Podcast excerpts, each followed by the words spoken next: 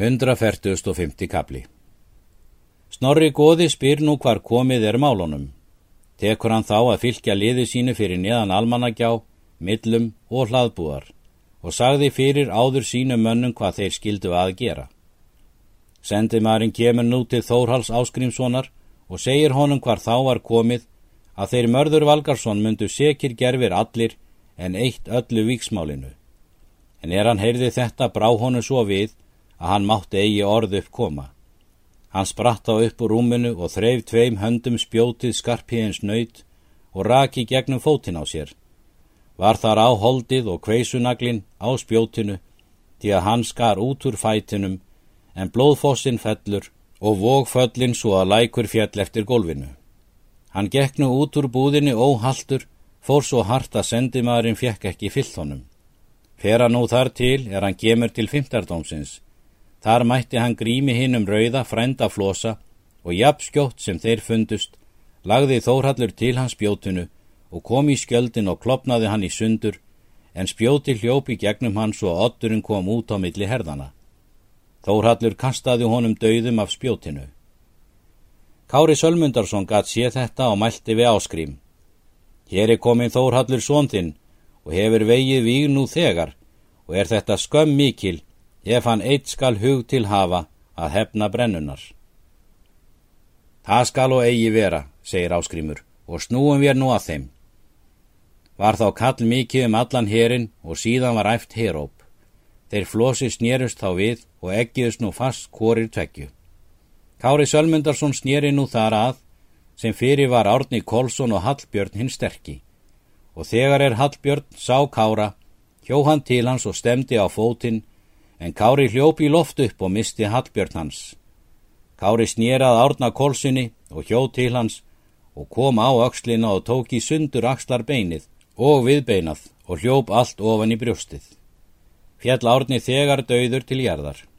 Síðan hjó hann til Hallbjarnar og kom í skjöldin og gekk í gegnum skjöldin og svo ofan af honum þumalt hanna. Holmsteitt skaut spjóti til Kára en hann tók á lofti spjótið og sendi aftur og var það mannsbani í liði flosa. Þorger skorarger kom að þar, er fyrir var Hallbjörn hinn sterkki.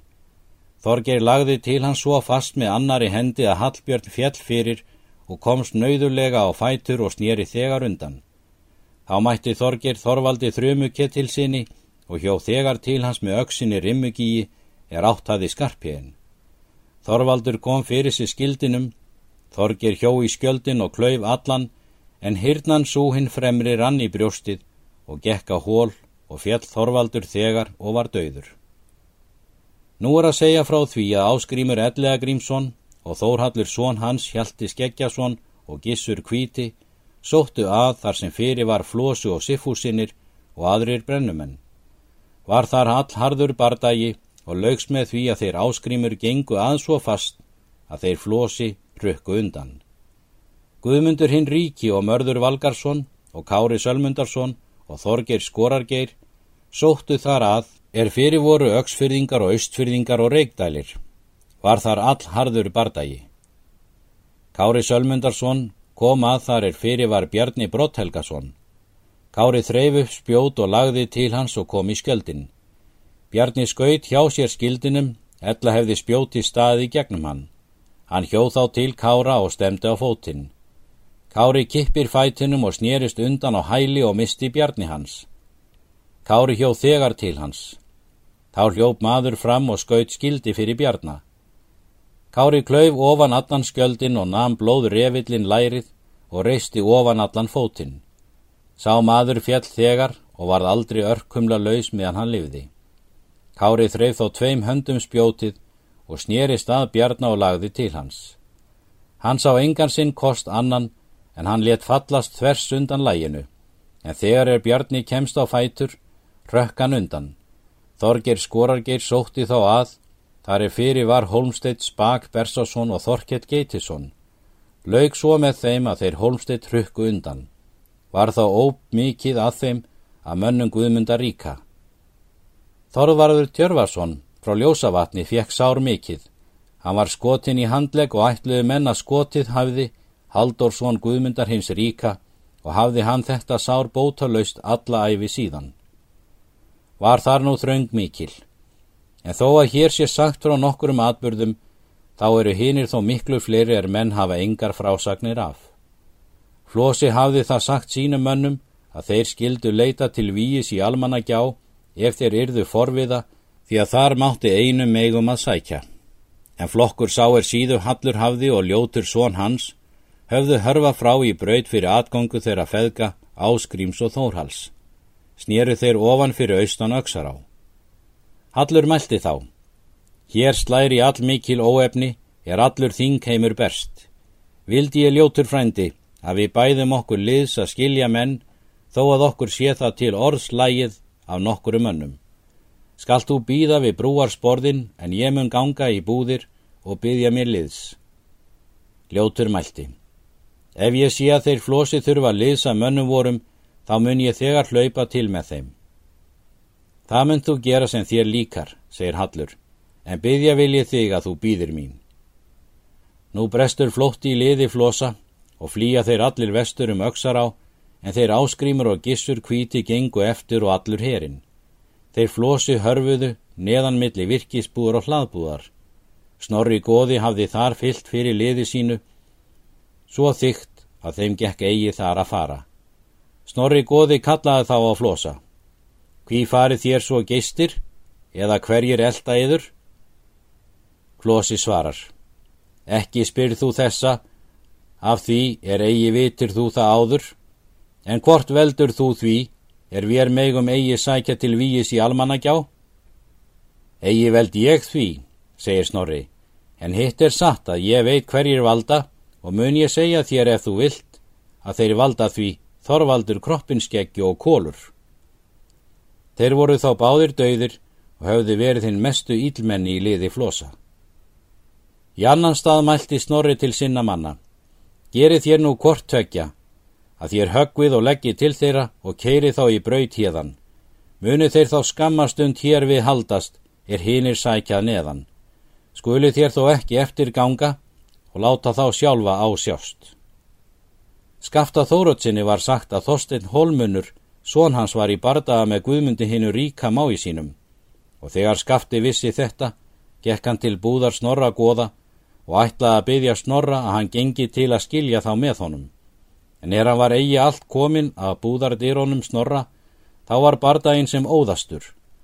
Þeir áskrimur og hans menn gengu þar þá að neðan. Þá mælti Þórhallur við áskrim föður sinn. Þar er hann skafti Þórótsson, nú fadir. Áskrimur mælti.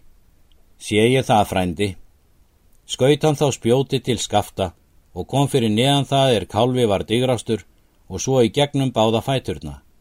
Skafti fjall við skotið og fekk eigi upp staðið.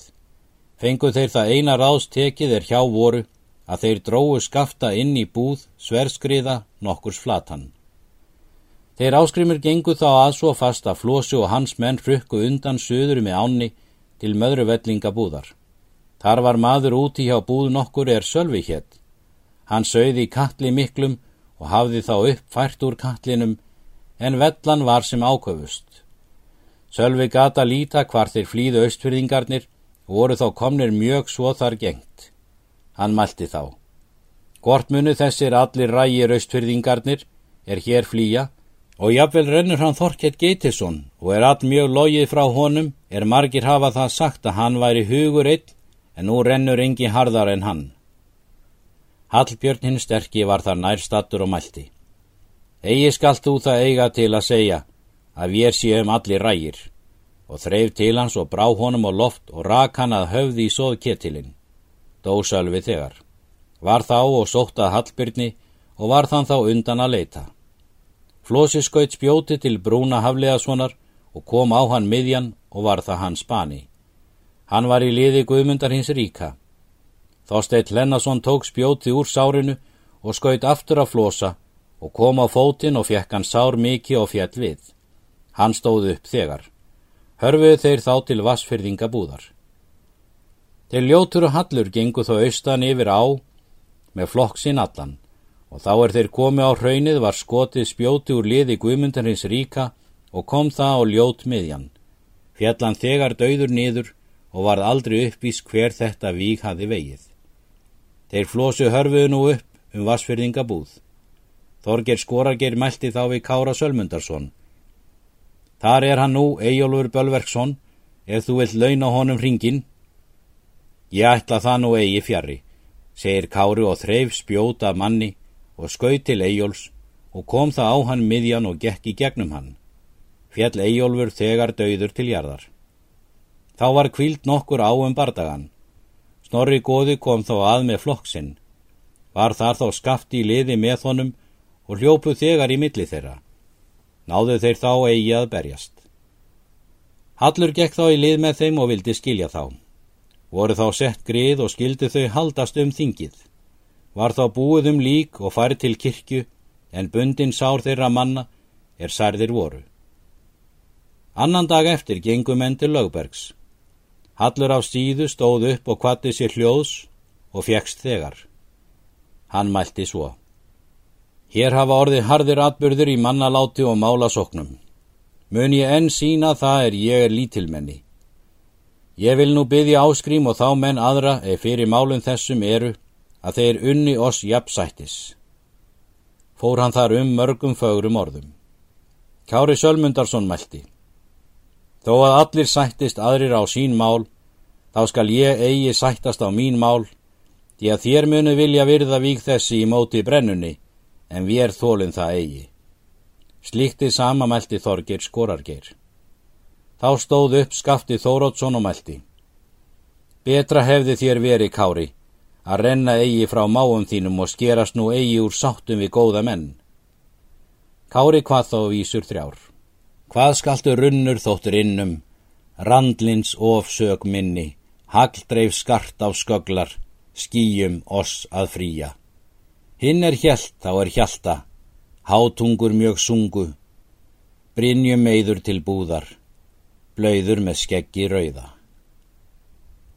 Var þá er vígan jörðu, vilja þrauta skilja, líkjekk skáld fyrir skjöldu, skafta martað hafti. Er mat sjóðar móða, málmróks flatan dróu, slíkt er alltaf æðru, inn í búð að trúðar. Höfðu grímsað gamni, græðis elgs og helga, rétt unnut þá runnar, rennendur njáls brennu. Númun börgs í björgum, bauks nikkjuböndum þykja, lingsa loknu þingi, ljóts annan veg þjóta. Þá var hlátur mikill, snorri goði brosti að og hvað þetta fyrir munni sér, svo þó að margir heyrðu. Vel kann skafti skilja, skaut áskrímur spjóti, villat holmsteit flýja, vegur þorketill nauður. Hlóu menn og all mjög, hallur á síðum eldi.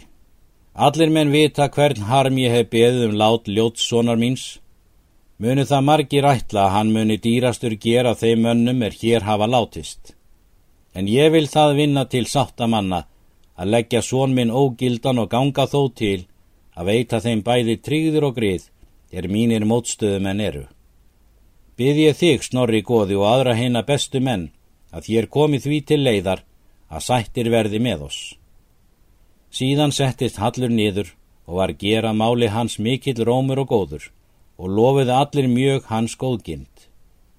Snorri góði stóð þó upp og talaði langt erindu og snjált og bað áskrím og gissur og aðra þá menn er fyrir málum voru þaðan að að þeir skildu sættast.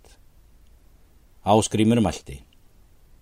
Það ætlaði ég þá er flosi reið heim að mér að ég myndi við hann aldrei sættast, en nú vil ég snorri goði sættast fyrir orð þín og annara vinavora. Slíktið sama mæltu þeir Þorleifur Krákur og Þorgrímur hinn mikli að þeir myndu sættast og fýst í öllu Þorgir skorargir bróður sinn að sættast en hann skarst undan og hvaðst aldrei við kára skildu skiljast. Þá mælti Gissur kvíti. Nú má Flósi sjá sinn kost, hvort hann vil sættast til þess að sumir séu utan sætta. Flósi hvað sættast vilja, og þykir mér því betur, segir hann, er ég hefi færri góða menn í móti mér. Guðmundur hinn ríki mælti. Það vil ég bjóða að handsala fyrir víg þau er hér hafa orðið á þinginu að mínum hluta til þess að ekki falli niður brennumálið. Slíkt við sama mæltu þeir Gissur Kvítu og Hjalti Skeggjason, Áskrimur Elliða Grímsson og Mörður Valgarsson. Við þetta gekk saman sættin. Var þá handsalað í tólmanna dóm og var snorri góði fyrir gerðinni og aðri góðri menn með honum. Var þá jafnað saman vígum en bættir þeir menn sem umfram voru. Þeir gerðu og um brennumálinn, skildi njál bæta þrennum manngjöldum en berðóru tvennum. Víg skarpjén skildi jamt og víg höskulds kvítaneskoða, tvennum manngjöldum skildi bæta hvort þeirra gríms og helga. Þá skildu ein manngjöld koma fyrir hvern hinna er inni höfðu brunnið. Á víið Þórðar Kárasónar var ekki sæst.